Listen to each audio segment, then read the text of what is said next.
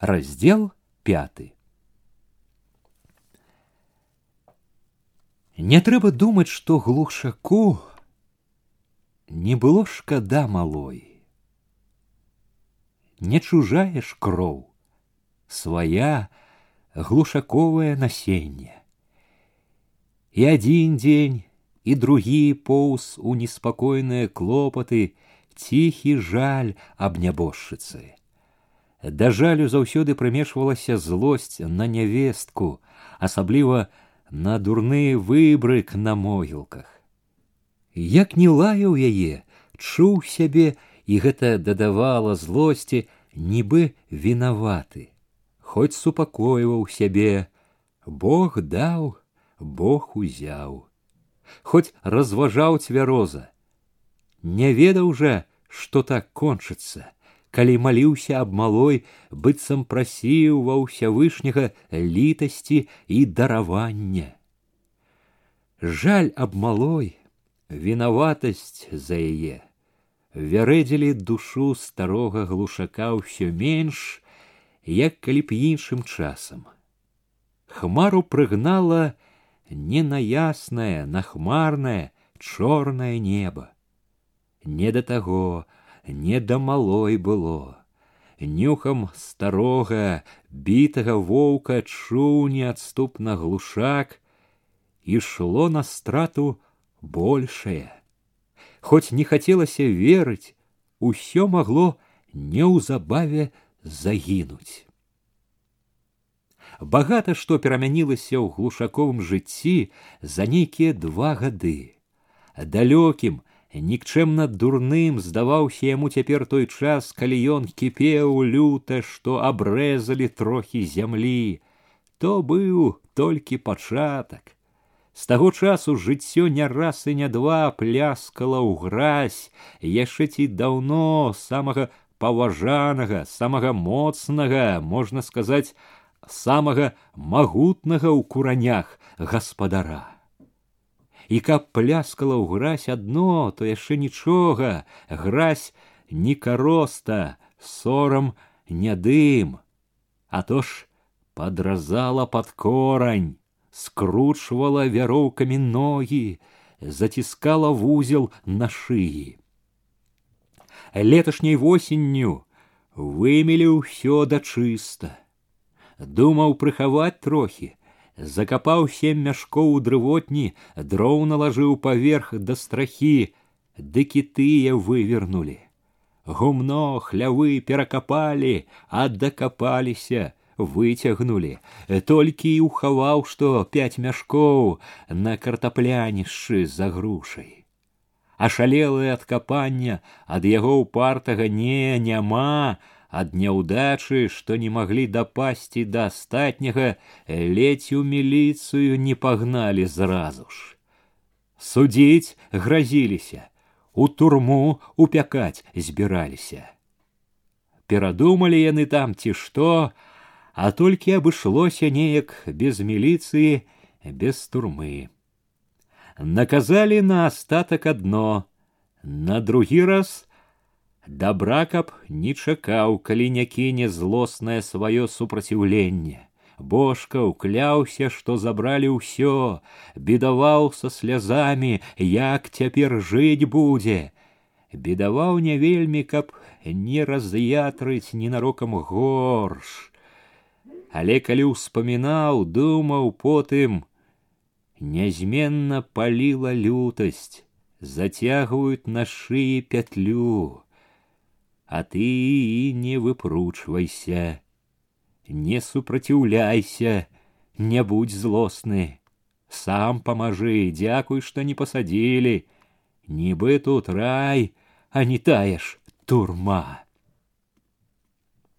Голас нават адабралі, лішэнцам зрабілі, як бы яму і рота разявіць няможна.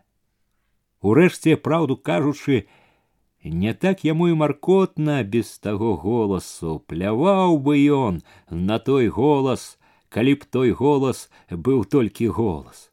Вялікі то гонар мець голас, разам з якім галадранцам, які учора жмені тваёй мукі быў рад. Голас важны не сам собою. Голас то направду палёгка з падаткам. Не маеш голасу, гніся, выжыльвайся под цвёрдым заданнем. Выжыльвайся, ды яшчэ маўчы, бо не маеш права голасу, бо лішэнец. Каб яму на тым свеце на чырвонай скаварадзе на агні вужакай круціцца таму, хто выдумаў гэту пагібель. Тым, хто гнёў гэтым цвёрдым заданнем, асабліва ж дамецікаваму прыблуду, за якімі іншыя ў сяле бы ашалелі.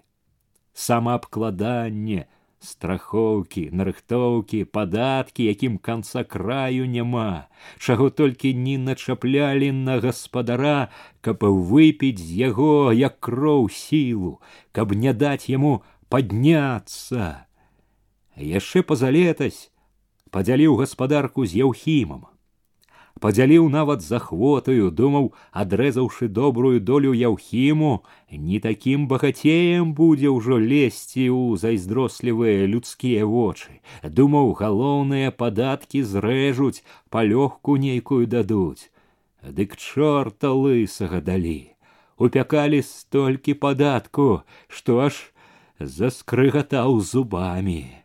Ды не адзін падатак, а два, і яму халімону і яўхіму. Не той быў цяпер глушак, пасушэў яшчэ, сагнуўся, як груган, сівеў нашчэнт, а толькі бляск у тхарыных вачах, як быў астаўся пранізлівы ўпарты, нязломны, трудно было, а глядзеў наперад, Трудно было адчуў ад гэтага начамі, калі абдумваў усё ажныла ў грудях, чуў, што гэта не ўсё яшчэ, што вузел толькі пачынае, як мае быць сціскацца. У хваравітай гарачкавай дрымоце, дзе сон і ява блыталіся, ледь не ночи лезла ў галаву назольнае страшнае відовішча. Бачылася, трызнілася нейкая гора, дарога на ёй. Гара была як бы падобна на юравіцкую. Дарога ўрэзвалася ў яе таксама, як юравіцкая. Гліняная, каляіністая, з глыбокімі рванымі раўчукамі па баках Знаёмая і звычайная дарога гэта, якой хадзіў і ездзіў тысячу разоў, і якая нічым даўно не дзівіла, у сне бачылася нязменна такой агромністай, спадзістай, што глушак, пазіраючы на яе, халадзеў. Ведаў, што не трэба ехаць, што добром гэта не кончыцца, і ўсё ж кожны раз бачылася выкіроўваў з'язджаць з яе. Кожны раз адно нязменна бы на канаванне чуў, калёсы наязджаюць на коней, коні не могуць утрымаць, усё разганяются з гары ляцяць по крутым спадзе хутчэй хутчэй дух сцінала ад жаху хацеў нацягнуць лейцы паспрабаваць спыніць коней але руки былі без сілы хацеў калі бачыў што ўжо нішто не ўтрымае ашалелых ратуючыся пагібелі адарвацца ад калёс саскочыць і не мог а коні ўсё набіралі бег, усё ляцелі, калёсы кідала, матляла так, што сэрца як не разрывалася. От от бяда, пагібель, конец, который з коней не вытрымае шалёнага лёту і рване ў бок, рынецца пад колы. Божа, даруй. Трудны нутраны крык выбіваўся з глушака, раздзіраў трызненне, чуючы, як шалёна, задыхаючыся так каціць сэрца, як холодны пот гоніць па шыі па твары, Ён яшчэ слабымі дрыготкімі рукамі хрысціўся, жагнаўся, аддана шаптаў малітвы, адчуванне жахлівага лёту к бядзе, к пагібелі, адчуванне бяссільнасці доўга яшчэ жыло ў ім, неахвотна, марудна ўціхала, адыходзіла. Ён так ні разу і не дасніў страшнага сну да конца. Кожны раз абуджаўся, калі коні і калёсы от-от мусілі не вытрымаць пагібельнага лёту. Але, мабыць, якраз ад гэтага страх перад тым, чаго не дасніў ні разу, што было там за мяжою перабытага, найбольш і гнёў яго таміў душу няпэўнай і нядобрай невядомасцю. Страх гэты дзіўна не цьмеў уяве, ён як бы пераходзіў з трызненняў у жыццё. Тая ж злая невядомасць чулася і наперадзе ў жыцці. Злая асабліва таму, што яна ўжо не была прывідам, трызненнем. Яна была праўдаю, чутнай моцна, рэальнай. Трывога перад заўтрашнім была самую вялікаю трывогаю яго цяперашняга жыцця. Як агромністая хмара вісела яна над глушаком, цямніла ўсё сваім ценем. І ўсё ж хоць чуў яе над сабою, чуў, што насоўваецца больш і больш, жыў, як і ўсе, як і іншымі гадамі, араў, баранаваў, касіў, хоць без радасці, без лёгкасці былой, стараўся асабліва на сінакосе, гнаў сябе і падганяў другіх. Як бы не мог перайначыцца, перастаць жыць тым, чым звык жыць заўсёды, што навек уелася ў душу. Перастаць жыць заўсёдным клопатам было яму як смерць, а ён хацеў жыць, ён і рваўся жыць. Часам, праўда, і яго упартыя жылаватыя руки абвісалі без сілы, браў одум, ні на што ўсё гэта яго гонка, усё адно ветрам пойдзе. Гаду якому хутчэй на карысць. У такі момант кожны раз востра пякло неадступнае, што рабіць. Ад таго, што думаў пра гэта ўжо багата, што прыдумаць не мог нічога толкам, што ведаў, змяніць нічога не можа, не здолее, як бы не стараўся, з безнадзейнай роспачу грудзі раздзімала важкая, безвыходная злосць. Увесь свет ненавідзеў. Увесь свет вінаваты быў, што яму так пагана. Потым браўся зноў за працу, уядаўся як сляпы, робячы спакайнеў патрохі, важкія думкі сплывалі, не вярэдзілі ўжо вельмі, боля ціхаў, звыклы клопат, стома як бы захіналі ўсё туманам, як бы п'янілі, хоць і гарэлкі апошнімі днямі, глушак часта не цураўся. Ці ў гарэлачным, ці ў клопатным чадзе глушаку чулася, Хмара над ім нібы лягчэла, не так ужо гняла. Тады пролівала дужасці, упартасці, душу цешыла надзея. Быць не можа, каб так ішло век, каб не перамянілася, і ў Бога цярплівасць не вечная. І ў Бога ж цярплівасці ёсць край і літасць ёсць к няшчасным. Усё яшчэ павернецца. Рана зарадаваліся людзейкі. У жыцці кожнага чалавека бываюць такія моманты, пра якія раней ці пазней чалавек думае: от ён, пачатак перамены, пачатак радасці ці бяды.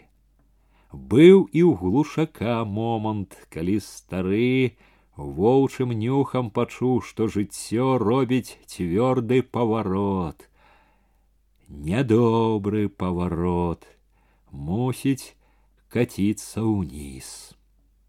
Не раз і не два прыходзіў глушаку на памяць гэты момант, які ўсё вастрэй вырэзваўся першай грознай вяхою бяды. Было гэта за леташняй восенню. Хмурнаватым і халаднаватым днём, які прывёў яго к нохімавай краме ў глінішчах. Каціў глушак на калёсах цераз вуліцу, цераз грэблю, цераз алешнікі нібы так сабе купіць такой сякой дробязі для дому са звыклай на ўсё жыццё засвоенай скрытнасцю таіў што вядзе туды дзіўная няясная навіна з якой былі ў душы не толькі цікавасць а і няясныя пакуль надзеі клопаты дачуўся глушак прадае ўсё нохім, збіраецца кудысьці ехаць. Яму не пашанцавала, на дзвярах і на каніцы нохімавай крамы ляжалі рудыя жалезныя завалы. Глушак пастаяў момант раздумліва, прывязаў коня да штыкету, прайшоў паўз вокны гэты год нефарбаванага, дзе-нідзе аблезлага дома, вокны глядзелі на мокры коварат моўчкі няветліва.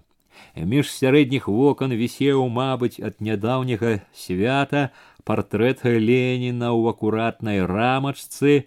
Глушак улавіў хітрынку ў вострым позірку, хутчэй адвёў вочы. Калі цераз ціхі пусты двор падаўся да ганка, з хаты выйшла прышчаватая дзяўчына, нейкая нохімава казалі сваячка. Несла вядро з бруднай вадою, мыла мусіць падлогу, глянула на глушака коса, буркнула, што нохіма няма і пацягнулася сваёй дарогай за хлеў. Глушак пачакаў яе, але толкам і не даведаўся нічога усяго і выпытаў, што нохім паехаў кудысьці прадаваць у краме нічога не будзе, сказала, што не ведае, нікуды паехаў, нікалі прыедзе. Вярнуўшыся к калёсам, глушак убачыў на двары насупраць элю годленага чалавека. Яўрэй яўрэя ведае, рашыў ён і падышоў, к годленнаму плоту, паздароваўся. Сказаў некалькі слоў для прыліку, паскардзіўся, прыбыў купіць тое сёе, а нохіма няма. Заяву ў Юравічы павёз, не стаў таіць Эля. Тут на ганак выйшла годля, прыгледзелася адзіным вокам, прыслухалася. Падала з ганка ехідна, у артель поступить захотел. У артель засмяяўся як жарту глушак. Хоць не паказаў, на момант разгубіўся з неспадзеўкі у артель. От урэзала. Пляце яна ці праўду. У артель годля кальнула пільным позіркам. Глушак заўважыў яе воку штосьці острае, праніклівае, не пляце, мабуць. Нашто яму артель етая? Чэсна жыць захацеў на старасці, зноў пачуў глушак у голасе яе яхіднасць без крутні захацеў, мазалём сваім, пролетарам захацеў стаць. У, не яно што, пролетарам. Удумаў, заўважыў на сабе годлінна цікаўнае вока, засмяяўся весялей, лоўка, маўляў, пожартовала. Пролетаром? На что это ему, Годля? А вы не знаете? Годля не засмеялася, нацелила вока так, быццам хотела пробиться ў сярэдзіну яго. Да думак, вам хіба, дядько, глушак не хочется? Мімаволі падумаў хітрая жыдоўка, але ўтрываў з тым жа наіўным смехам, сказаў: « Не хочется. Калі это правда, что вы кажаце, что вам не хочется, то значыць вы не такі хітры. Але казала і глядзела так, што глушаку чуваць было не верить. Злая ж собака, зіркне быў нутро паганка ўлазіць. Глушаку ўжо не хацелася гаварыць. Нядобрая станавілася гаворка, перавёў на іншае, от жа ліха на яго, не пашанцавала. Выбавіўся раз у год купіць таго сяго і такая няўдача бы лишне часу, каб сноў даць попусту сюды туды. Далікатны Эля ветліва даверліва паківаў галавою. Вядома, шкода вярнуцца назад, не купіўшы нічога. Годля ж словам і для прыліку не абазвалася. Стрэльнула толькі вокам, ды раптам хутка цвёрда пакіравала ў хлеў па нейкай гаспадарчай патрэбе. Вам, кажа, хіба не хочацца пролетарам, згадаў глушак, вярнуўшыся да калёс. Паправіў сядзелку, выцягнуў пасму грывы з-пад хамута, але рабіў усё як у сне, не бачачы. Яго поўніў неспакой развярэдзіла душу слепавокая кінуў нядобры позірк на годлін двор успомніў адзначыў асабліва быццам пагрозу нейкую значыць вы не такі хітры стаў здзіўленымі устрывожанымі думкамі кружыць вакола нохіма што ўдумаў хітры гандляр Удумаў такое, што век не прыйшло б у галаву яму дурному куранёўскаму лапцю. Сам рашыў распетрыць сваімі рукамі ўсё, што нажываў дзень ада дня гадамі. Ва ўсім гэтым чуўся такі агромністы страшны змест, што ў глушаковых грудях халадзела. Нібы на прывязі трымала тут, дачакацца нохіма, даведацца пра ўсё ад яго выпытаць, вызнаць усё, што можна, але стаяць на ковраце перад вокнамі гэтай яхіднай яўрэйкі, мазоліць вочы ўсім глінішанскім плеткарам, было ні да чога, зусім ні да чога было глушаку паказваць свой страх і свой клопат. Да таго ж і невялікая радасць стаяць без толку, маркоціцца чаканнем. Разважыў падацца пакуль у туманы да сваяка, і дарога недалёкая і вяртаючыся стаць зноў можна тут як бы просто так, едучы дадому. І заодно даведаешся там, можа што-небудзь, што робіцца на белом свеце. Як ехаў, паглядваў на шлях, думаў, нохім трапіцца, але таго не было відаць, так і дакаціў да туманоў, Баран ігнат тумановскі сваяк быў дома. Не ўзрадаваўся, не здзівіўся, але звычаю векавечнага не парушыў, дастаў пляшку самагонкі, паставіў на стол. Руды калматы гнат, хутка пасалавеўшы, упяўшы дурнаватыя вочы ў стол, амаль увесь час маўчаў.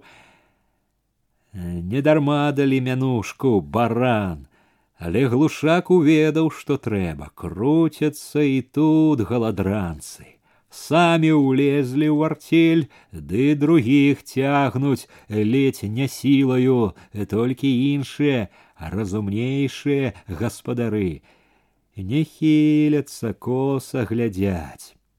Рашылі цвёрда жыць по-свойму, на сваёй зямельцы, са сваімі конікамі. Ці таму, што выгаварыўся з талковаю бараніхаю, ці з гарэлкі, на душе было весялей, калі ехаў зноў у глінішчы. Яшчэ з вуліцы заўважыў, што нохім вярнуўся. На двары стаялі ўжо калёсы. З лёгкім жа яшчэ хмельным настроем спыніў коня, прывязаў да штыкеціны, хлеў быў адчынены, глушак зразу пакіраваў туды. Ён не памыліўся, нохім быў у хляве.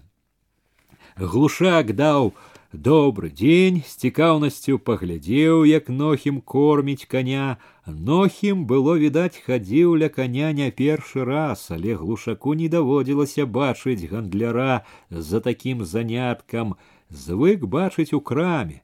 Да таго ж і на вопратку нельга было не глядзець, і сарочка палатняная, і штаны даматканыя, мужик ды годзе аж пынецца, хоча паказаць, што трудяшчы таксама выяў глушак, але не сказаў пра гэта ні слова. Што ж, не таргуеш, лагодна попракнуў.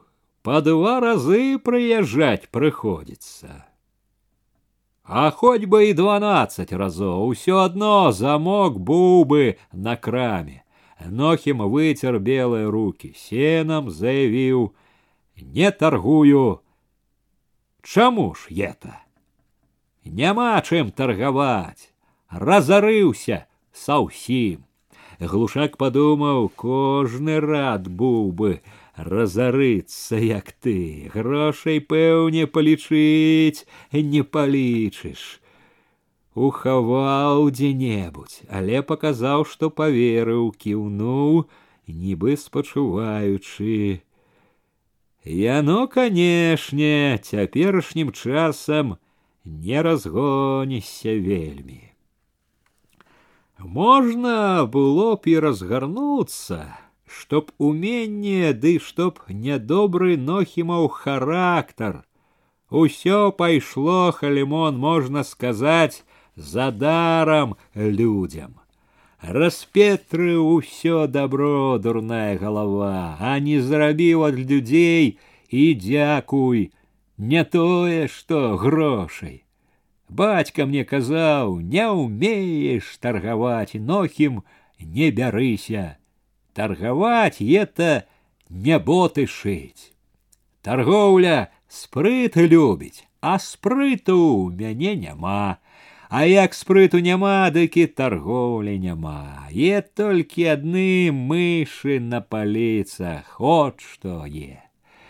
Мышэй у мяне сваіх хапае нохіма. Солі можа знойдзецца з паўпуда.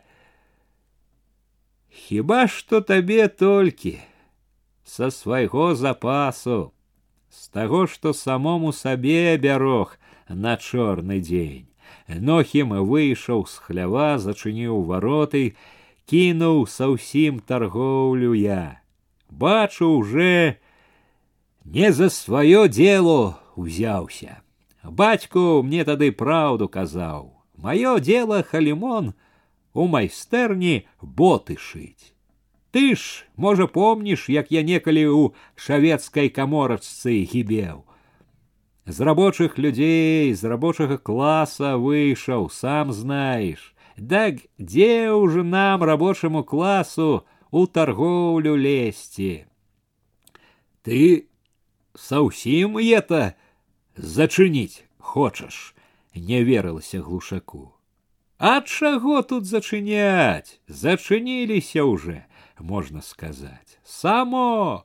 Чаго там было зачыняць, пляшка якая карасіны, тры пачкі запалак ды жменя солі, толькі слова адно, што крама, торговля свая, толькі руки пэцкаў дурная голова.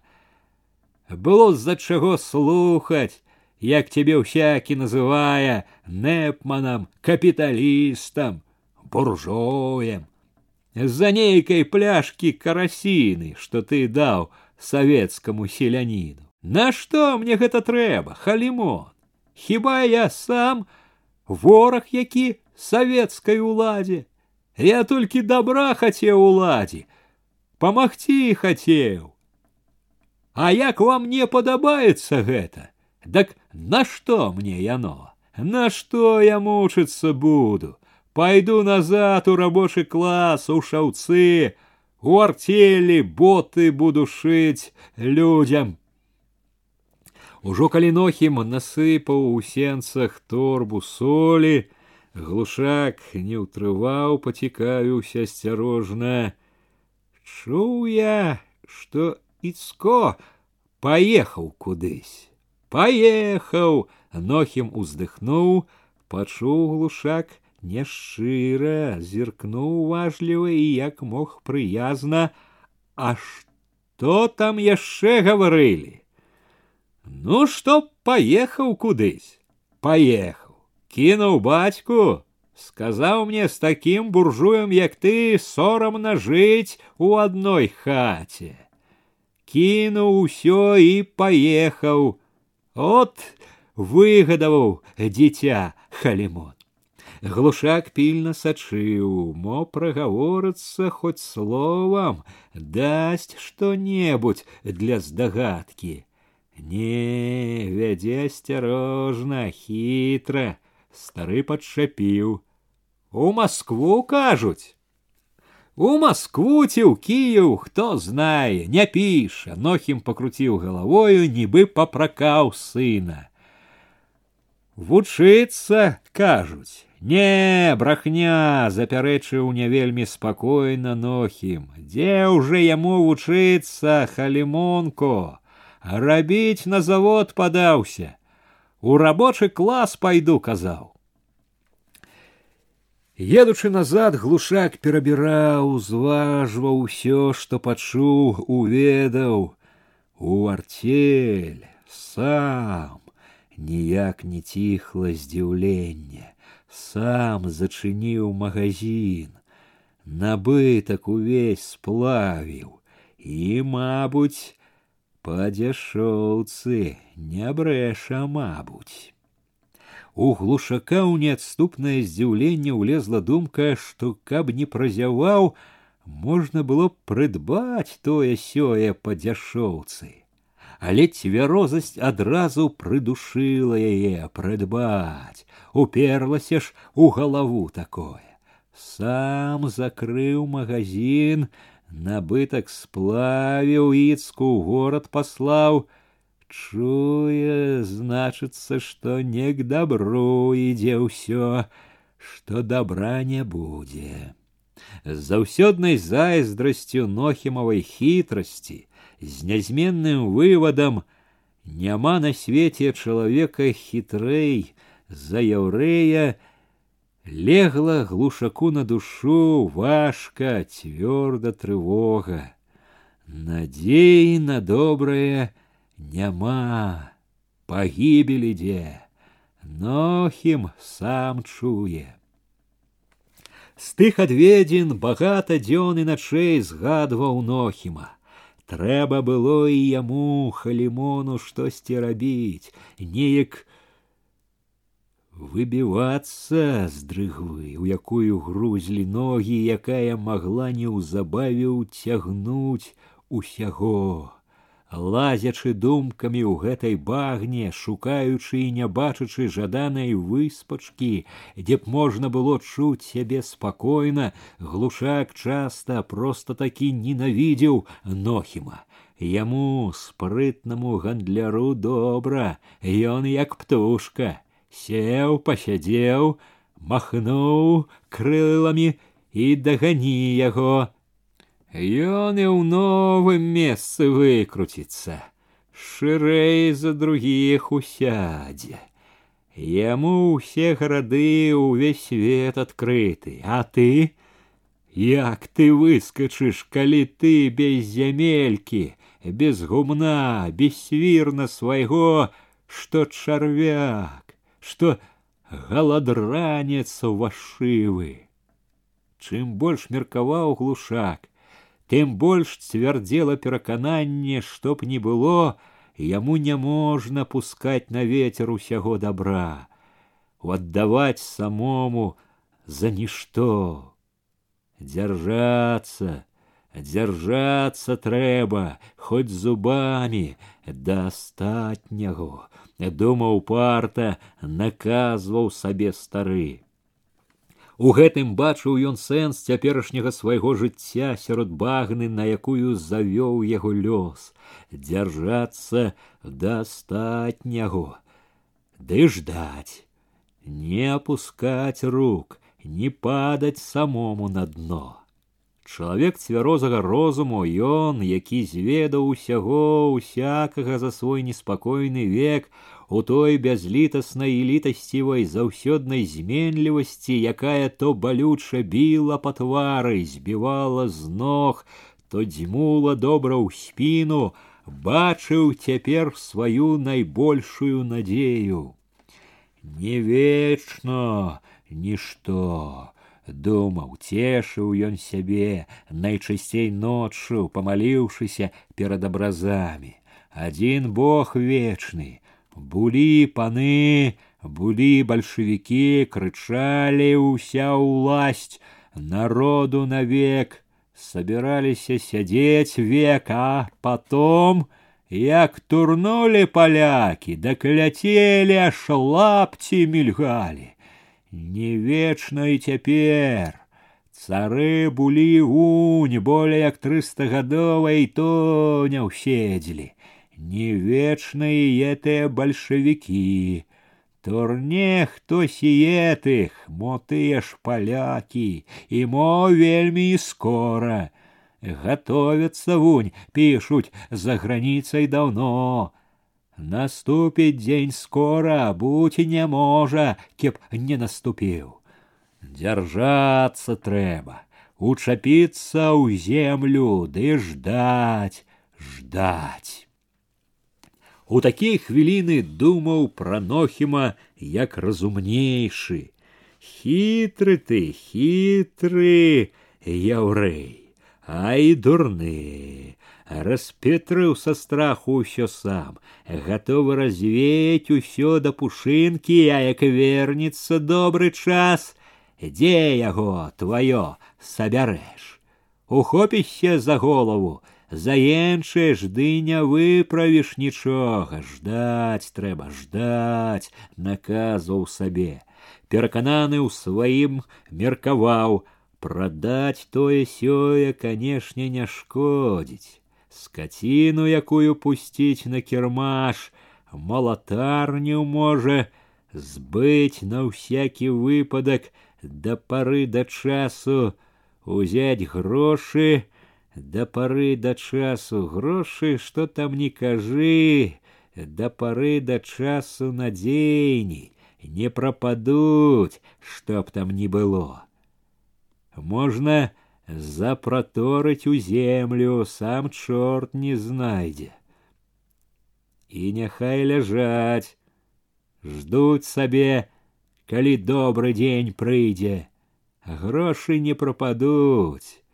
Продать тое сёе не шкодзіць, але вырываць свой корань зямлі, толькі дурань вырве. Цвярозы, ясныя, асабліва ў цемры і цішыні ночы, глушакоў розум з мудрасцю разважнай, вопытнай раю яму. З людзьмі да пары да часу заядацца не трэба. Мякчэй, хітрэй да людзей трэба. с чарнушкамі пабліжэй падабрэй трэба, трудяшчыя сваякі, заступка, якая не ёсць. Маўляў, самі галадранцаў не цураемся, як адна косці з імі. Мелькам бы наводдаль у думках прайшло злое. От як яно павярнулася ўсё. Хоць ганарыся сваяцтвам такім. Глушак скінуў снапы ў застаронак, загадаў сыну выводзіць калёсы з гумна. Сцяпан аброццю прыціснуў галаву коня даперсяў, налёг локцем на хамут, конь неахвотна, але пакорліва пачаў адступаць задам. Ён адышоў так крокі са тры, калі калёсы наткнуліся на штосьці, сталі: Пастой!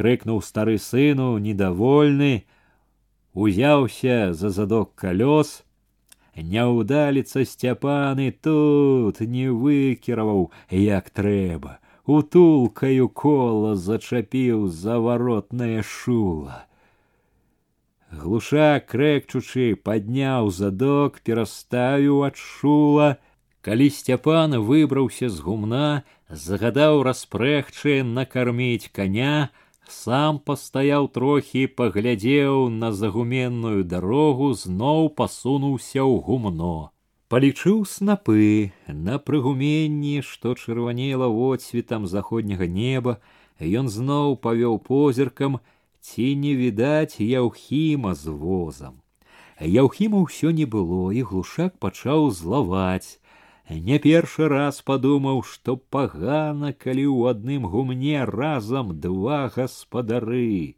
Хай хоць ён і той другі і сын табе. Успомніў, што не раз як сваю браў яўхім яго мякіну тры разы, як са сваіх насыпаў сабе з яго мяшкоў. Сын, сын, а і за ім вачэй не спускай. Ще, можа, болей, як за чужым, бо ён тут жа пры табе, у тваім гумне. Няма таго, кеп бацьку старому памагці, дык сам урваць астатняе ад бацька, старца гатовы. Ён падумаў, як няшчасны, што і з яўхімам, не совсем пашанцавала яму, не шкадуе бацьку, сам абірае роднага бацьку. Пачуў сабе такую нутраную злосць на ўсіх, на ўсё, якая цяпер нярэдка брала яго. Намерыўся ўжо ісці на двор, калі ўбачыў на дарозе з вуліцай чужую постаць, пазнаў хоню, бацька з маткай і стаў насцярожана чакаць, што яшчэ прынесла з гэтым чортам. От, дядько, получите, подозрона весело сказаў Хоня, падаючы паперку. Глушак з таго, як ён гаварыў, пачуў, што паперка нядобрая нечым. Кальнуў позіркам у яе, что там? Что это? Налог, дядько, обовязковый налог. Так я ж уже получил. Это точнейший. Глушак хацеў ужо ўзяць, калі хоня раптам пацягнуў паперку сабе, чамусьці засумняваўся. Прыгледзеўся, пакруціў галавою: « Не, это не ваше, это Зайчикова. Чуть не отдал чужую, от ваша. Глуша кинул вострый позірк і недарэмна было ўжо не сорок восемь, як у тым абавязательстве, а пятьдесят шесть, пятьдесят шесть пудов. И это уточнили прасіпеў, чуючы, як злосць важка раздзімае грудзі. Так можа, вы і падумалі, дзе я возьму столькі? Это уже вы подумайте сами, Хоня сказал так, здалося з дзекліва, што ў глушака затрэсліся дробна руки. Не знайшоў, што і адказаць з гневу. Хоня выбраў яшчэ лісток, і вот, яўхіму аддайце. Глушак глядзеў у хоневу спіну так, што калі пагонь нянавісці, якая гарэла ў яго позірку, мог перадавацца на другіх, спапяліў бы хоню ў момант гэты позірк. От жа гад, от жа смурод, не мог ніяк утрымацца, каб не дрыжалі руки, смяецца яшчэ вашывец. Яшчэ да таго, як Яўхім, трымаючы лейцы побач з возам снапоў падышоў да варот, стары падаўся насустрач. Стаяў каля варот, нецярпліва чакаў, чуючы, як злосць вашчэй раздзімае грудзі. Яўхімаў воз няхайны крывы крактаў нібы недовольны нечым таксама. Глушак слухаў гэта і ў ім з гневам рос жаль да Яўхіма, жэўрала няясная, неабходная надзея. Бачыў ужо ў ім толькі супольніка ў няшчасці, адзіную сваю апору ў жыцці. Ледзь воз, чапляючы шчэццю снапоў за слупа ворот усунуўся на прыгуменне, стары пераступіў дарогу сыну. От, паглядзі, а руки перад яўхімам дрыжэлі яшчэ драбней. Ад узрушэння, ад нецярплівасці, прагі падзяліць з некім сваю злосць, як бы не бачыў, што тут жа была Ганна, якой звычайна асцерагаўся паказваць трывогу. Яўхім прыпыніў коня, доўга трымаў лісток у крывых дужых пальцах з адрослымі пазногцямі. Пазногці, пад якімі чарнела зямля, дзе-нідзе загнуліся ўжо быкі птюры. Пазногаць на сярэднім быў сарваны амаль на палову. Стары бачыў, як напялася на яўхімавым твары цвёрдая, дублёная ветрам ды сцюжамі скура, як павастрэлі сківіцы, чакаў, што ён скажа. Яўхім не сказаў нічога. Адарваўшы позірк ад лістка, павёў вачыма, быццам хацеў знайсці кагосьці, глядзеў важка, жорстка, раптам моўчкі ж сунуў паперку ў кішэню, рашуча сцібануў лейцамі коня. Но! Вячэра глушаку была не ў смак. Дзе б не тупаў, ці па хаце, ці ў сенцах, ці ў хляве ўсё не ладзілася, ўсё злавала, усё было брыдкае. У сенцах гупнуў на подлогу начоўкамі, што трапіліся под руку. У хляве ні за што так бацнуў наском апорка па нагах каню, што той з перапуду тросся і хроп, калі зноў падыходзіў блізка. Што б не рабіў у галаве былі, помніліся гэтыя пятьдесят шесть пудоў, уточнили, чтоб вам на том свете на гарачай смале так уточнили. У думках даваў волю злосці, помсціўся трасцу вам. Не тое, што пятьдесят шесть, а і шесть пудоў трасцы. Аднаго пуда трасцы, аднаго хунта дулю, дулю аднаго зярняці падохніце, выпруціцеся з галаднечы, паешце адзін аднаго, як сабакі галодныя трасцы, дулю. ашалелы думаў кляўся сам сабе рукой не варухне каб злажыць на вазы тое што яшчэ было ў полі каб зжаць тое што яшчэ стаяла хай гніе хай прападае і той хай гніе што ў гумне цэпа не падыме у сляпым салодкім трызнені шалу станавілася лёгка добра чуў сабе такую сілу, што дрэвы мог бы, здаецца, выварочваць. Але шал быў нядоўгі.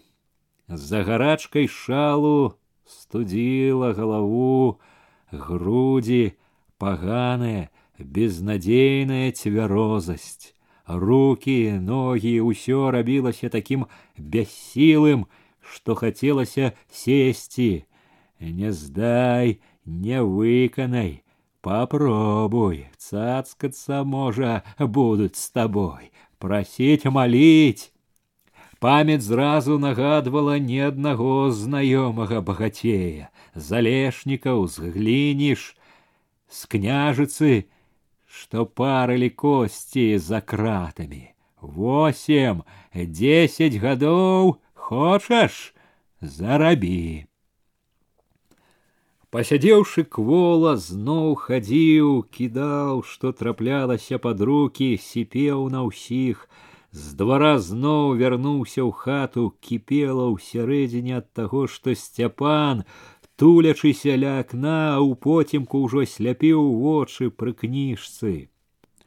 Здароўму гэтаму балэбусу, як і не было клопату, што бацьку пятлю, зацягваюць.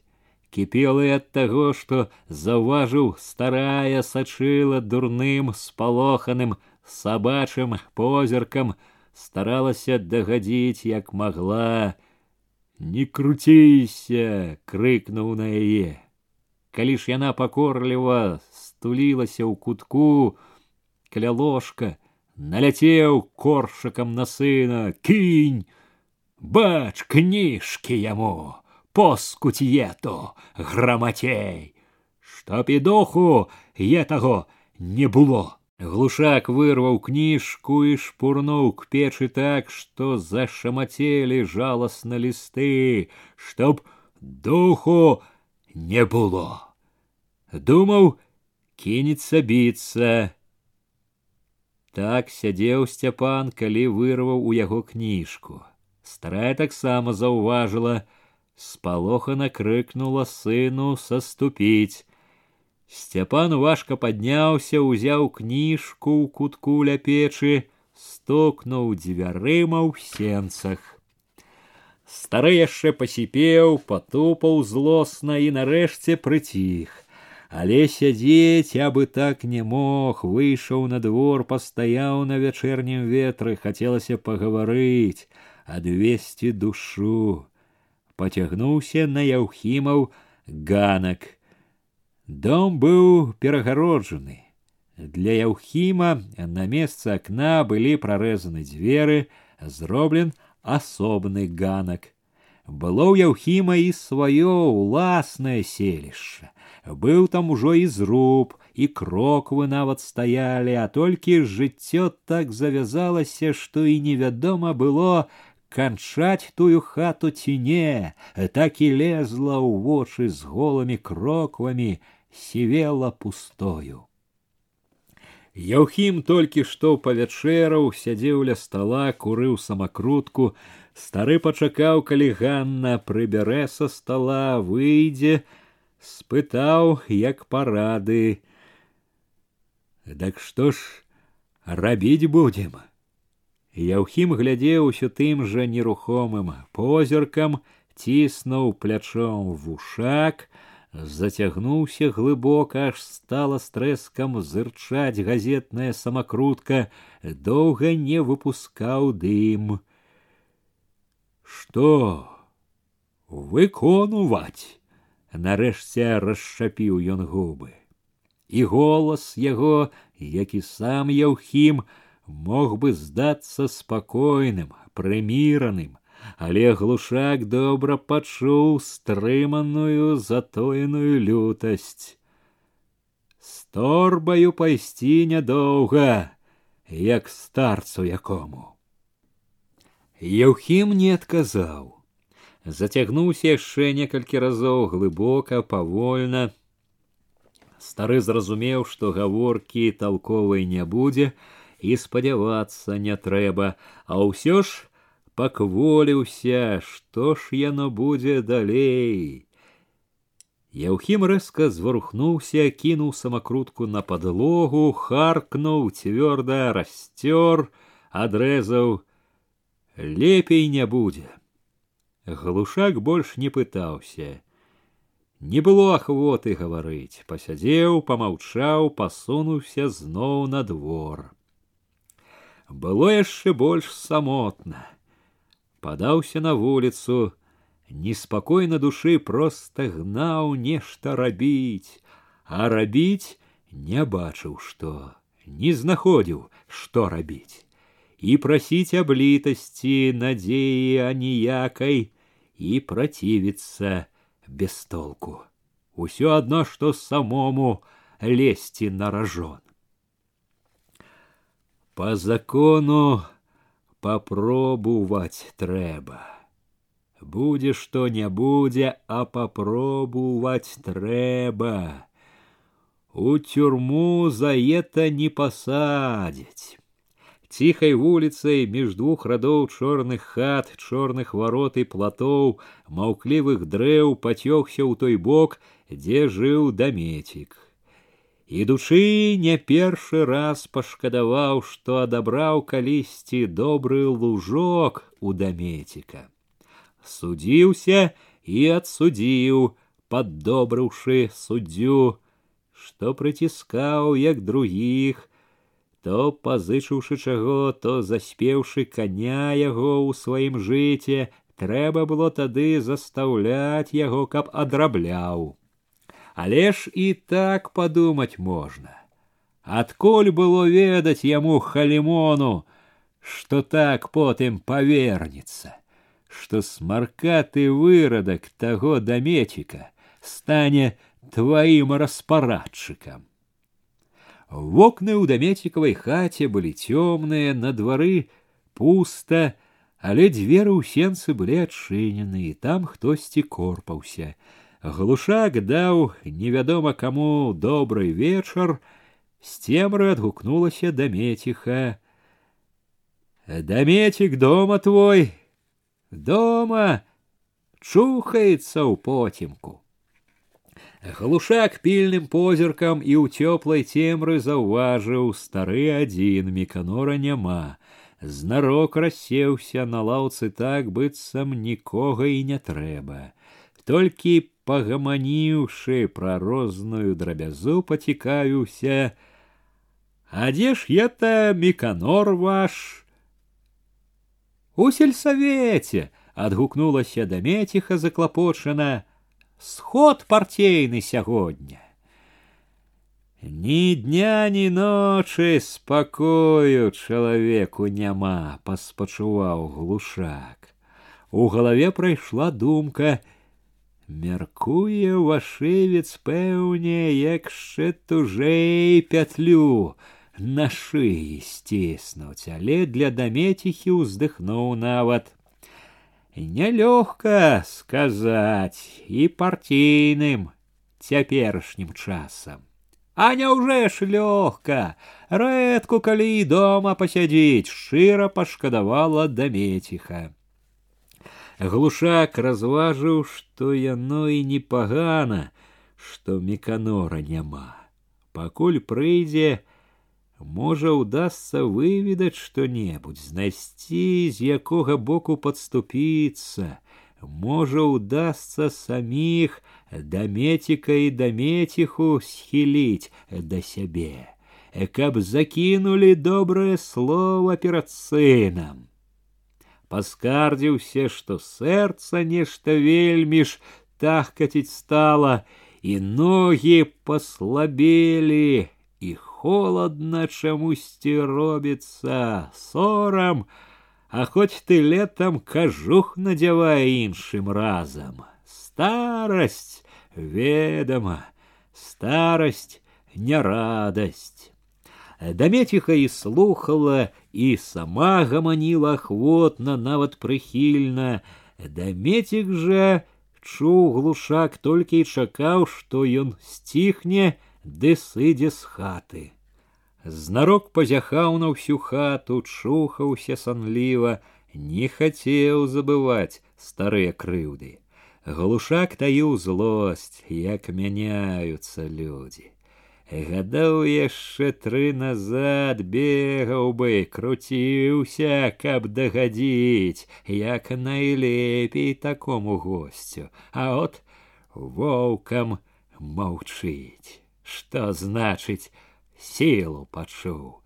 Бацько партійнага сакратара, не гаворачы нічога, дамецік вылез за стола, пашаргаў босымі нагамі па земляной падлозе, узлез на пол, пачухаўся там, засвістаў носам, а глушак усё сядзеў, гаманіў, подступаўся к сэрцу, здаецца, і праўда спачувальнай дамеціхі.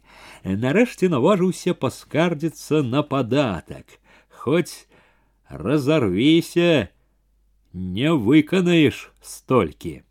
Старая кивала, спачувала, але як толькі стукнулі веснічкі, затупалі па двары мерныя упэўненыя крокі, глушак пачуў сябе так, нібы зараз мусіць шчапіцца люта. Яшчэ да таго, як бразнула клямка ў хату ведаў, міканор ідзе.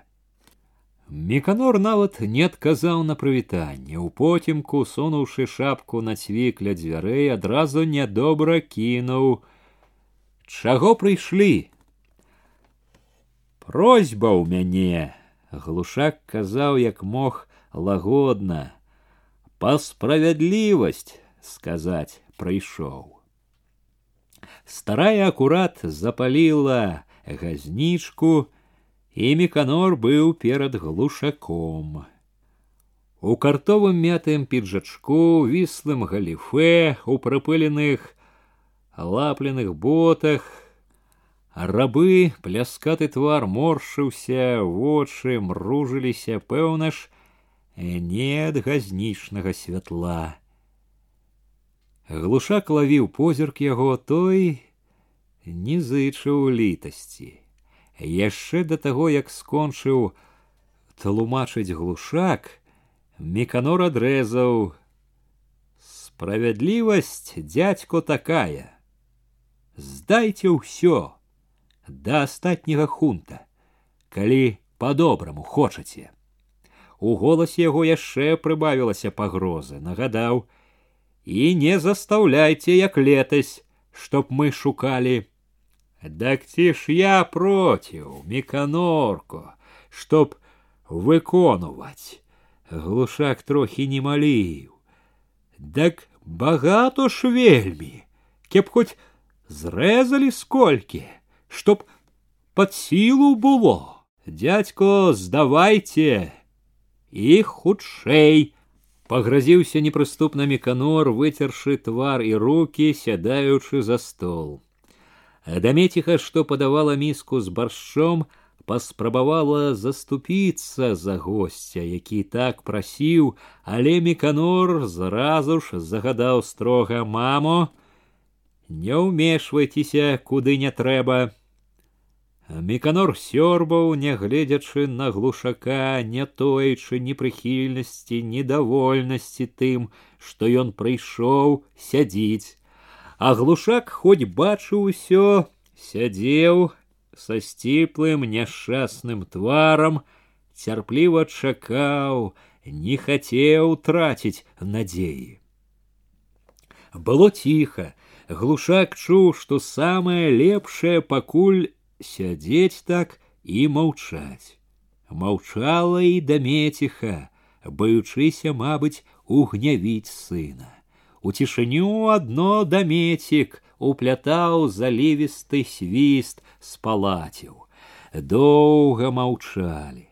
Глушак яшчэ спадзяваўся, што прыйдзе зручная хвіліна, калі можна будзе пачаць зноў, прасіў толькі ў думках Бога, каб не прыперла не ў час каго-небудзь з суседзяў. І калі ўвайшоў хтосьці на двор, пачуў адразу. Чалавек ішоў хутка, рашуча. Абразнула клямка і ў хату рушыў нехто іншы Яўхім без шапкі з раскіданым чубам, з расхрыстаным каўняром кінуў на меканора на глушака неспакойным бляскам вачэй. З аднаго позірку убачыў бацька, што яўхім сарваўся.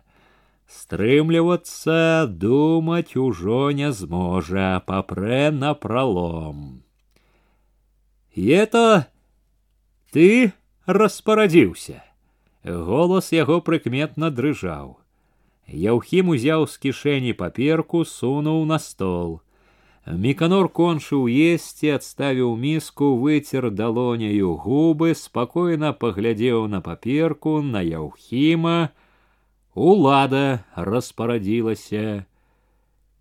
Ты знаешь, сколькі ў мяне будзе? Знаем, знаешь. Яўхім ледзь стрымліваў сябе. Да калі я ўсё, што змалачу, аддам вам, сабе не аставіўшы, не хваціць на налог вам. Меканор пакапаў мезенцам між зубоў. Хваціць, хваціць. Ты знаешь усё. Яўхіму нібы цяжка было дыхаць, вочы гарэлі, гатоў быў, здавалася, рынуцца на меканора. Дамеціха пабялела ад страху. Глушак устрывожана памкнуўся да сына, разважным, бацькоўскім тонам папракнуў: Яўхім! Той быццам не чуў, паліў вачыма меканора. Дамеціха схамянулася таксама кінулася к сыну меканорка і ты будь разумны меканор дужай рукою адвёў яе устаў на поўны рост як вартавы на сцяне за ім устаў тень заявіў спакойна знаем спакойна ж павялеў ты не крычы тут Яўхім момант не ведаў, што сказаць было відаць душыла лютасць волі багата ўзяў сабе але гэтага было мала ад лютасці ад бяссілля аж затросся адштурхнуў глушака шалёна з віскам крыкнуў дак хай яно гніе усё адно на палацях ускінуўся здзіўлена таропіў вочы дамецік От як ты загаварыў, кулацкая душа. У меканоровым голасе таксама пачуліся гнеў, пагроза, Хай гніе, а ты знаеш, што за злосны зрыў дзяржаўных нарыхтовак. Знаю, Яўхім не збаяўся, не таіў ненавісці, і ты знай, не астатні раз бачымся. Моще побачимся калі, так што і ў мяне сіла будзе. Міканор ухмыльнуўся, наўрад, не заракайся. Яўхім стукнуў дзвярыма сянец такой сілаю, што лямпа хітнулася і затрымцела. Хвіліну ўсе маўчалі. Міканор, нерухомы, не зводзячы вочы з дзвярэй, глыбока засунуў кулакі ў кішэні, сказаў жорстка, нібы камусьці другому: « От яшчэ гаворыць, сволач. Глушак цярпліва перамаўчаў показаў, што чуе сябе вінаватым, што не хваліць яўхіма, вінавата, як бы просячы не браць вельмі ў галаву, адгукнуўся. Здурнеў саўсім, як разгарачыцца, сам не помніць, што кажа. Не глядзіць ні свайго, ні чужога, бацьку, матку не глядзіць, на мяне дак столькі разоў сляпіцаю лез. Заслепіць вочы і лезе. Не кажы проціў яго нічога. Глушак заўважыў дамеціха, жалліва ківала, павёў зноў вачыма на меканора. Ета як быў малы, упаў раз у пограб. З таго часу ўсё, абы загарэўся дурнее. На мяне кажу сляпіцаю, сколькі разоў лес. Дак ты не крыўдой меканорка. Не думай, что тут что якое. Ён узяў са стола яўхімаву паперку, згарнуў, мы не проціў, чтоб выконваць. От толькі кажу, няма як, чтоб усё. Хоць жылы перарві, не хопіць, кеп скінулі пудоў якіх пятнаццаць. Меканор ужо сядзеў ля стала, але яшчэ жорстка таропіўся ў дзверы, не чуў, што казаў глушак, не хацеў і слухаць. О, да боўдзіла, зазлаваў стары на Яўхіма, прыпёрся, Зачапіў, разветрыў гада, сам сапсаваў усё. Калі цягнуўся ціхай вуліцай дадому да злосці дамяшалася яшчэ трывога каб не перадаў гэты васпаваты пра яўхімаву гаворку ў юравічы. Ліха тады не абярэся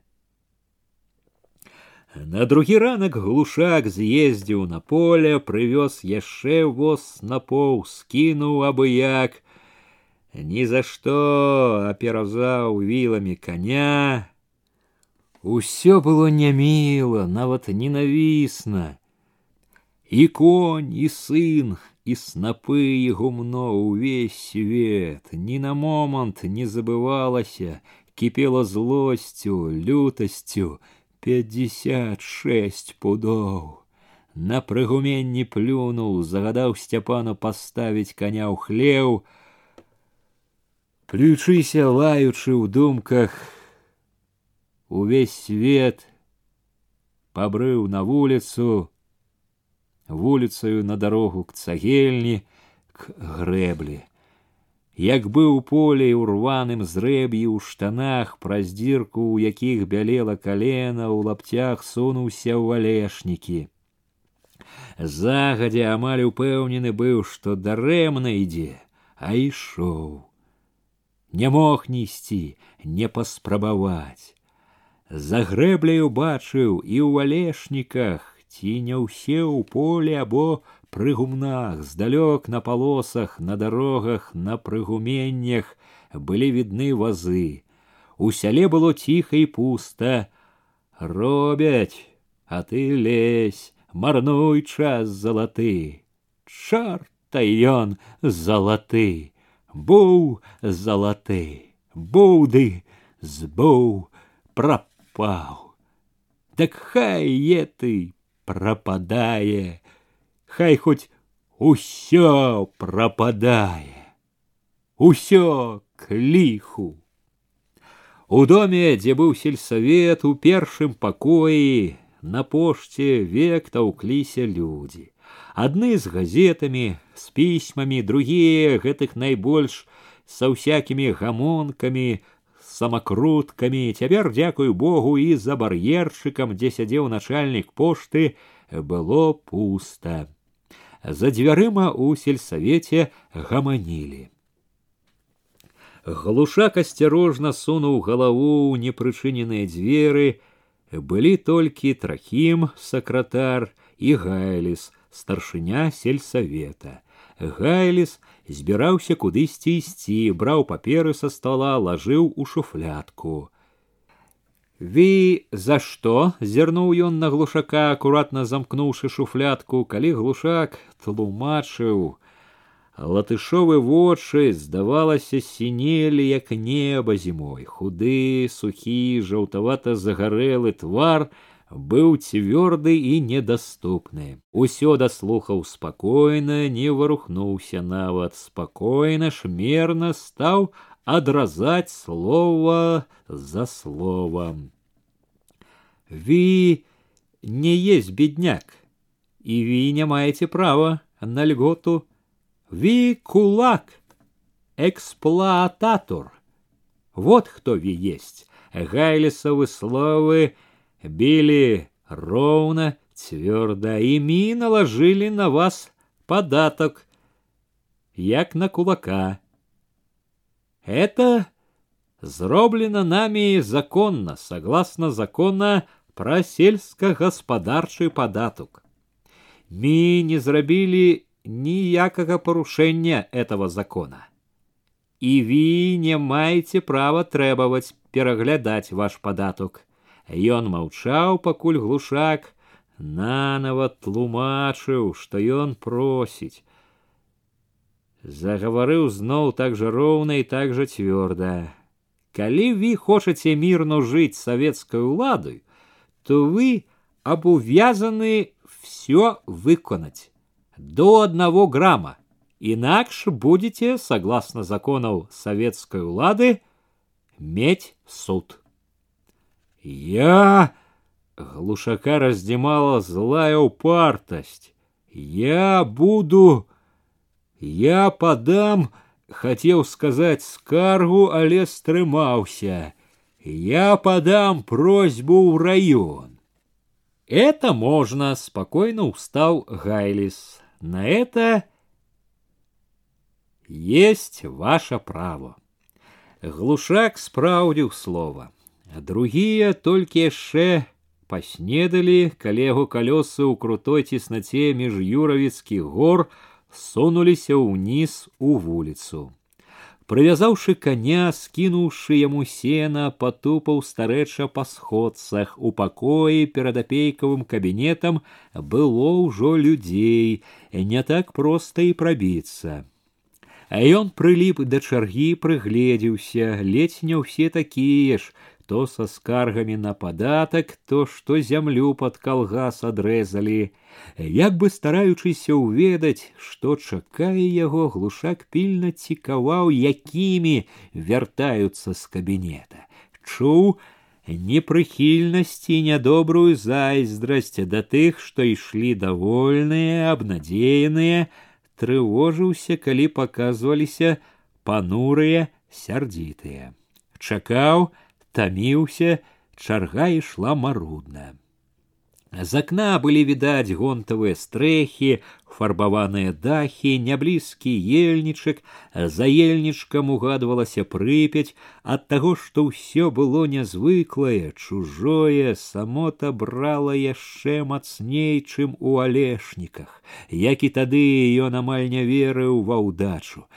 Ён, праўда, згадваў, што чуў пра апейку добры справядлівы але згадкі гэтыя заўсёды натыкаліся на сваё нязменнае усе яны добрыя каб добры быў не сядзеў бы тут апейка паглядзеў уважліва здалося пільна здалося ў твары паявілася штосьці нядобрае пазнаў нібы, але не сказаў пра гэта, запрасіў сесці на табурэт каля стола, схіліўшы палыселую галаву, прабег вачыма прашэнне, якое даў глушак.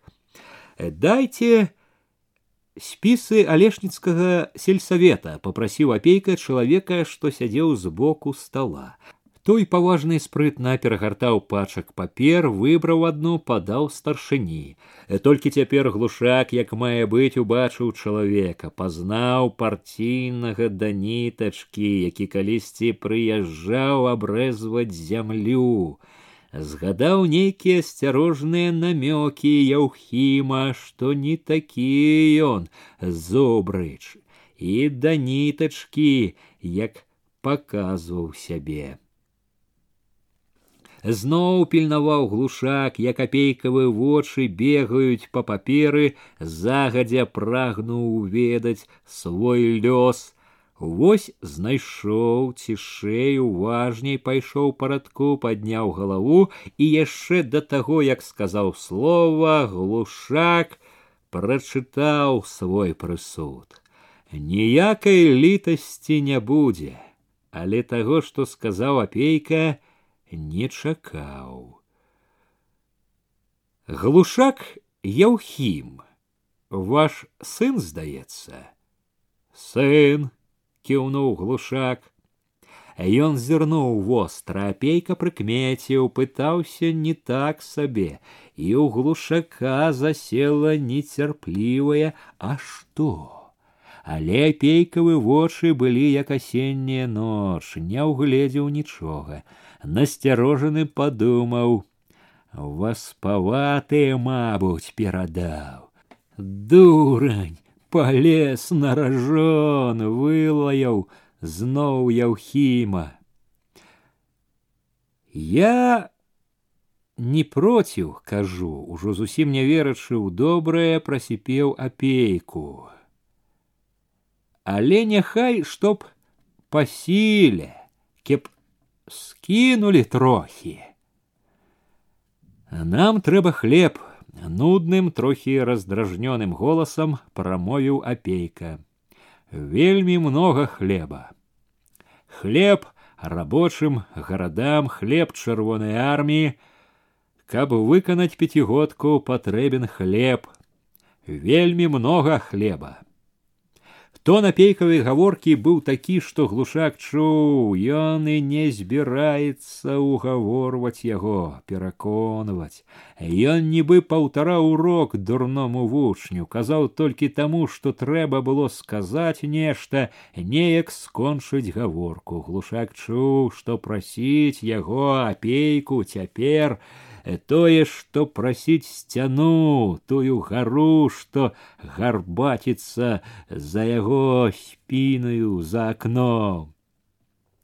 Яго ў момант заліло ненавісцю, такой пякучай, што стала трудно дыхаць, ненавідзеў лысіну з рэдкімі валаскамі, ненавідзеў недаспаны зямлісты твар, ненавидел расхрыстанную косоворотку, ненавидел доўгую худую шею з ямкаю над ключыцаю, што відна была ў росхрысце каўняра. Нема праўды, прасіпеў, душачыся чаем і лютасцю. Апейка, нібы яго ўжо і не было, адчыніўшы дзверы, пазваў да сябе наступнага, быццам выганяў яго. Сляпы ад злосці ехаў глушак мястэчкам, стуганеў жалезнымі абадамі па бруку, ужо ля рыначнай плошчы схамянуўся, што няма чаго тут рабіць больш у мястэчку, забег толькі на пошту, купіў аж тры газеты і павярнуў каня дадому усю дарогу лаяў сябе, знайшоў каго шукаць праўды, дамаўляцца з кім, дамовіўся. Карміў всякую нечысць, бальшавікоў гарадскіх ды салдат, якіх на тое і сабралі, каб калі што якое штык табе ўсадзіць. Гавораць як успамінаў апейку, бы не чуў, што ты казаў, бы смяецца з цябе. Чуе гад, што сіла ў іх, што астаецца, толькі гнуцца ды выконваць, клянучы і сябе і свет увесь. Ні чорта, ні бога не баяцца. І Бог маўчыць, як бы скажы ты сам за іх, ці як бы і праўда няма яго на небе схамянуўся перахрысціўся хутчэй што падумаў дурная галава ёсць бог бачыць чуе ўсё бачыць прыйдзе час скажа ўсё ён цярплівы цярпіць але яго цярпенне не вечнае прыйдзе пара скажа сваё час ад часу сярод гэтых думак згадвалася пытанне пра яўхіма і ён стараўся дапасці што яно значыла, ці не было ў ім якой бяды сыну. Нічога пэўнага не ішло ў галаву. Была толькі няясная трывога, з якой нязменна мяшаўся дакор яўхіму за тое, што не слухаў яго. Ад таго, што і яўхім быццам не разумеў яго, не жыў душа ў душу, чуў сябе як рэдка калі адзінокім захацелася прыбіцца да свайго чалавека, аднадумца, у якога тая ж трывога і злосць, параіцца, памеркаваць удваіх, што рабіць.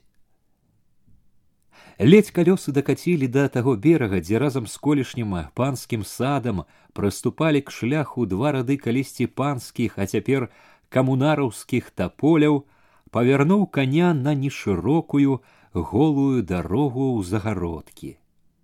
Вельмі раптам захацелася пабачыць хрола. К хролу бывала не вельмі хіліўся. Хоць іншы раз і запрашаў на святы і сам адведваў яго, як роўнага станам, пры людзях нярэдка пляваўся, судзіў зларадна. Казалі хрол, сам бацьку роднага зарэзаў. Як знайшлі старога ў лесе з перарэзаным горлам, даказаў хтосьці не чужая чыя, сынкова работа.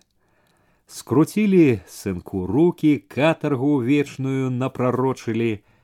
Дык не ж, неяк выкруціўся, явіўся цераз год, які не было нічога.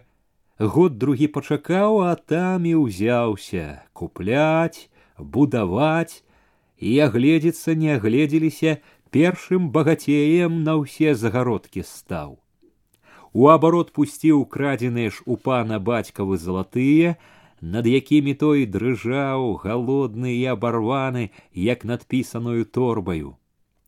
Глушака хоць пляваўся пры людзях, не раз пякла зайздрасць да хролавай смеласці, да спрыту, да лёгкага, хуткага багацця яго зайздрасцю, як сёстры, ішлі і рэўнасць і злосць.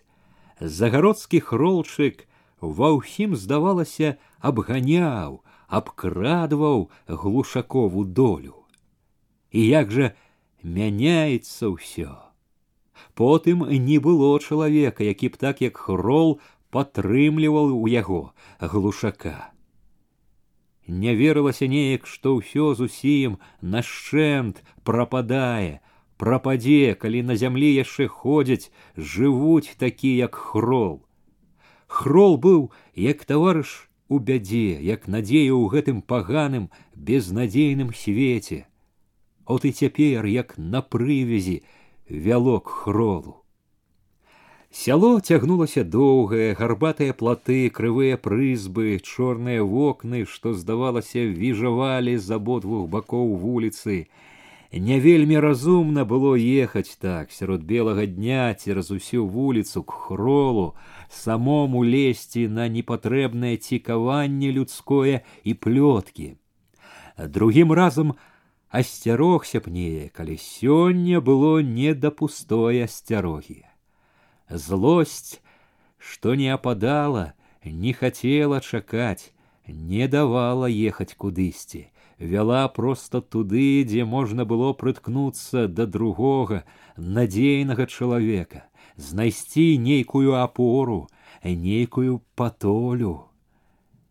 Ды калі на тое і так доўга бярогся, А што выберах Хролаў дом, як і тыя разы зводдалек у лесу вочы ледзь толькі завіднеўся з-за хат. Збоку можна было падумаць, а радаваўся ўсяму, сцены жаўцелі нібы ў масле, цынкавы дах быццам смяяўся, фігурныя аздобы на вокнах бы дзявочыя ўборы на свята. Ужо зблізку заўважыў, аздоба на вокнах багата дзе патрэскалася і абадралася, калі нагадывала пра святочнае, дык толькі так, што свята было і сплыло. Былі ўборы ў дзеўкі, ды асталося рыззё. Не да ўбораў цяпер колішняй весялусе.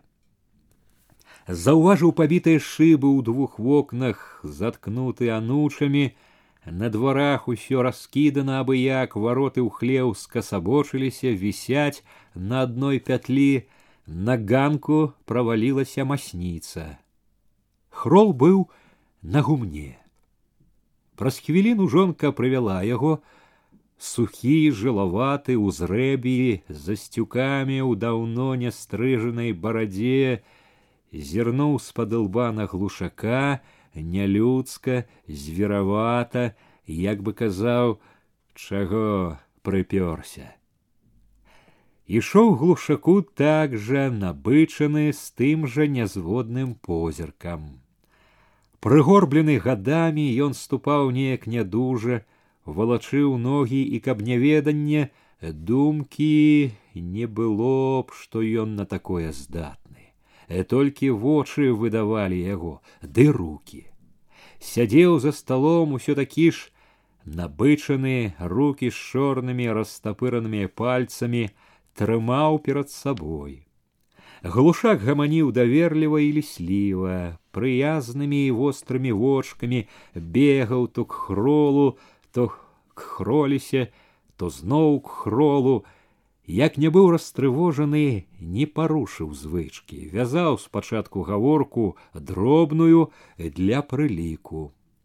Хрол маўчаў, хроліха ж памагала глушаку, снуючы сянец к сталу, бавіла госця і загародскімі навінамі і сваімі скаргамі. Падзялілася не толькі навінамі, але і пляшкай самагонкі і закускаю, Глушак скора пачуў, як агонь уліты самагонкаю перамяшаўся з агнём злосці, які пёк ад самай гаворкі за пейкам. А тут і развязаўся ў глушака язык. Стаў выліваць усё, што паліла не адзін дзень. Прыпомніў і васпаватага, і гада латыша, і заразу з воласці, не выліў усяго, калі маўклівы хрол, а раптам п'яна адрэзаў. Так і трэба. Што? Што сказаць трэба? Душыць вас трэба. Глушак скрыжаваў з ім здзіўлены позірк. Хрол не жартаваў, глядзеў так важка, ненавідна бы хацеў і сам чавіць. Хроліха заступілася за гостя, паспачувала. І ў нас жа тое. Глушак не ведаў, што казаць. Мімаволі падумаў з ніякавасцю і павагай да хрола. Е ты задушыць і не ікне. Заўважыў, чорныя дужыя пальцы на стале варушыліся. Склізні пагардліва скрывіўся хрол. Даждаліся, чаване басота вас склізь пацячэ, адна склізь будзе, даждаліся.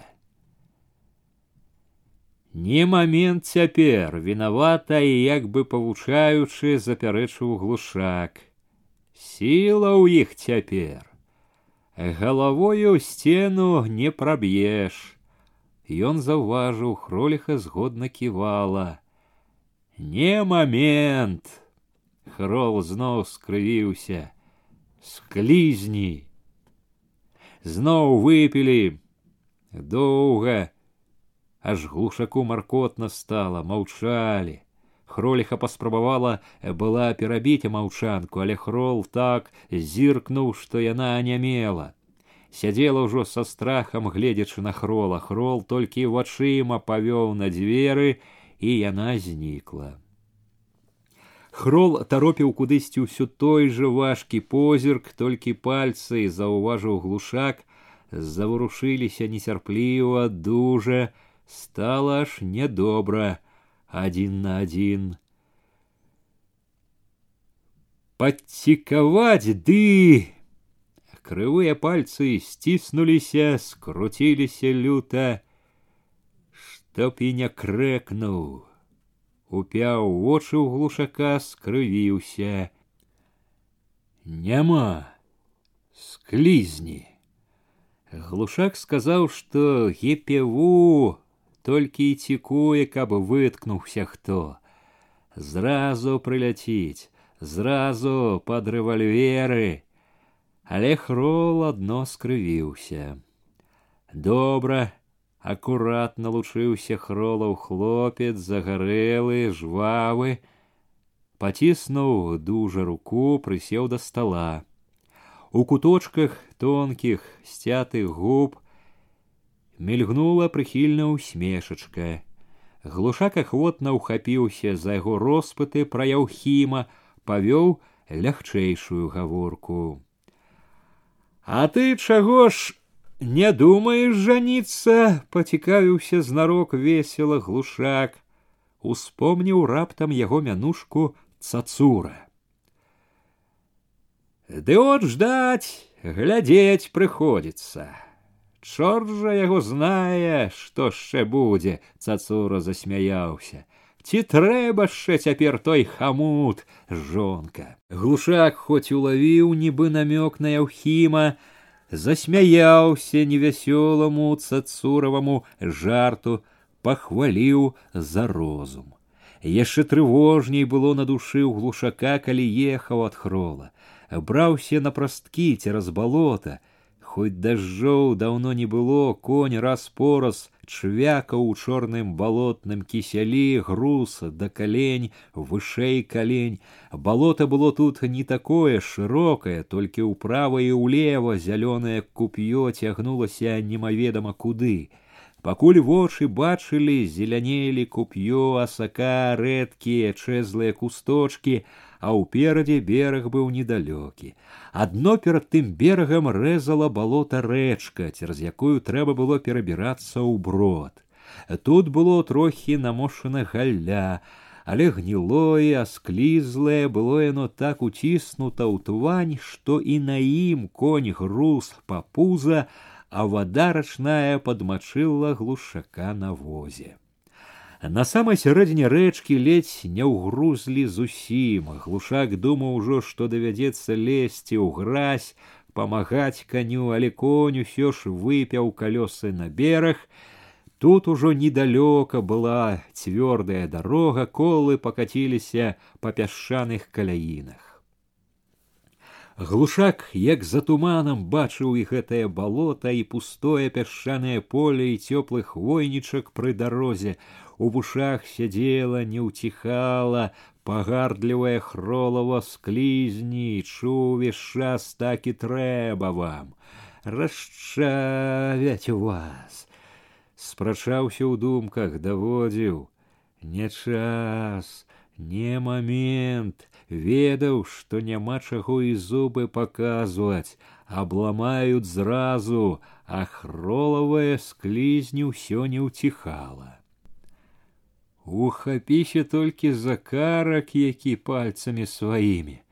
Сікануць так, што і рукі не вернеш, не тое, што рукі, а і галавы. Сіла, улада ў іх, епеву.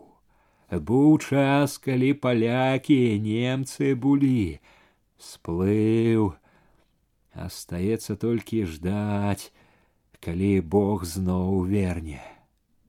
Але калі ўспамінаў апейку, падатак, які чакаў яго ў куранях, злосць, вялікая на ўвесь свет залівала ўсяго усе развагі.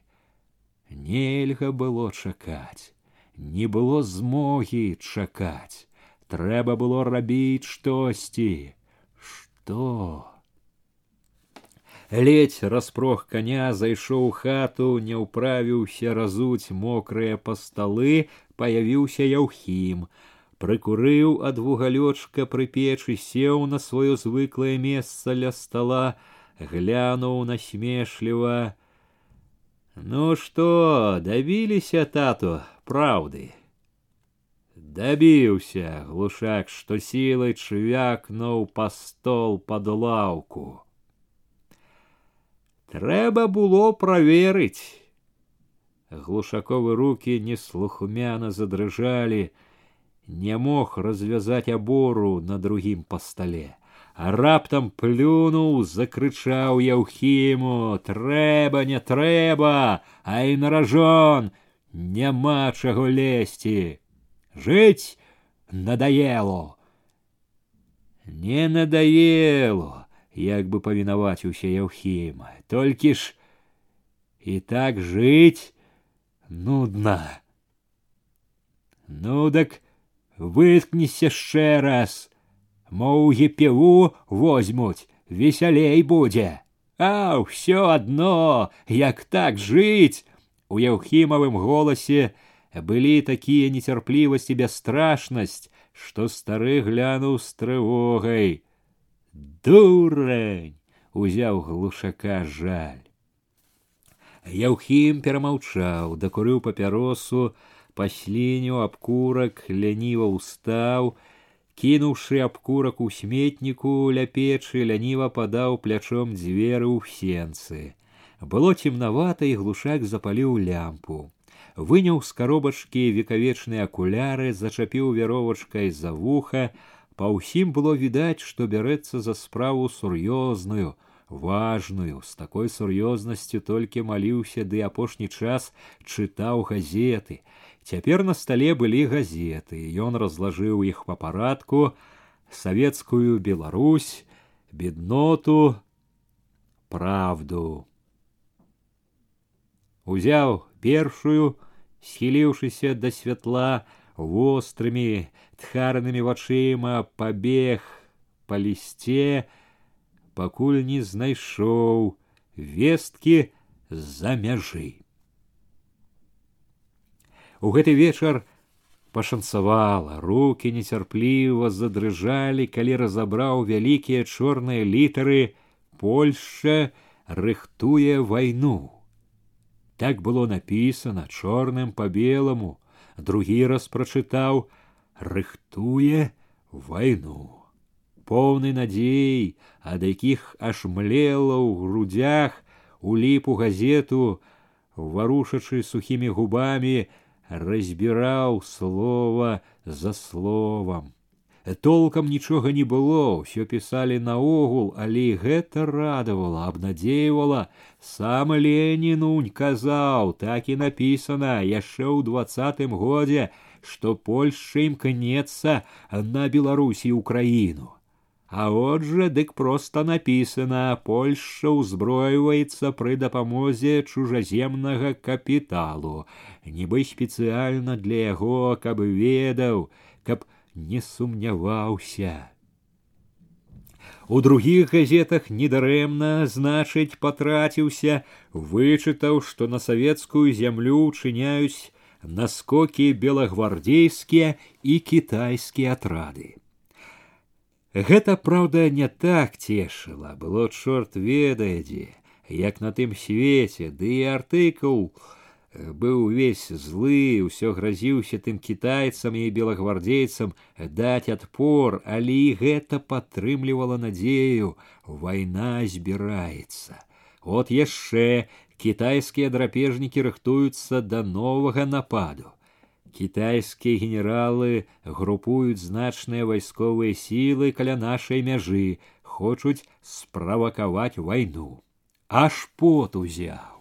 Ужо не было нібы кволасці, калі чытаў, што хлебанарыхтоўкі трэба выканаць поўнасцю і ў тэрмін, што трэба бязлітасна ўдарыць па варожых кулацкіх элементах, якія будуць імкнуцца сарваць важнейшую дзяржаўную кампанію усё ж усярэдзіне кіпела, са злосцю паўзала і трывога.